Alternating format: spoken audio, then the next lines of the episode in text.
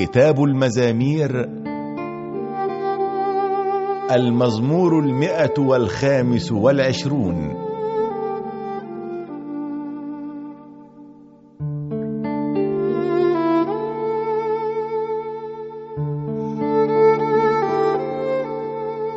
المتوكلون على الله هم كجبل القدس الراسخ الذي لا يتزعزع إلى الأبد.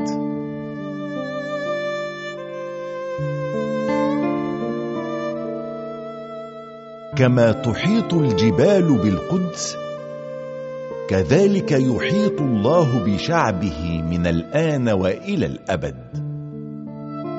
وهو لا يسمح لقوات الشر أن تتسلط في بلاد الصالحين لئلا يمد الصالحون أيديهم إلى الشر.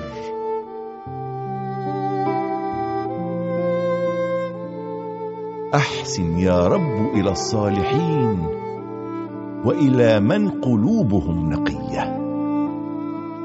أما الذين ينحرفون إلى طرق معوجة فإن الله يهلكهم مع فاعل الإثم.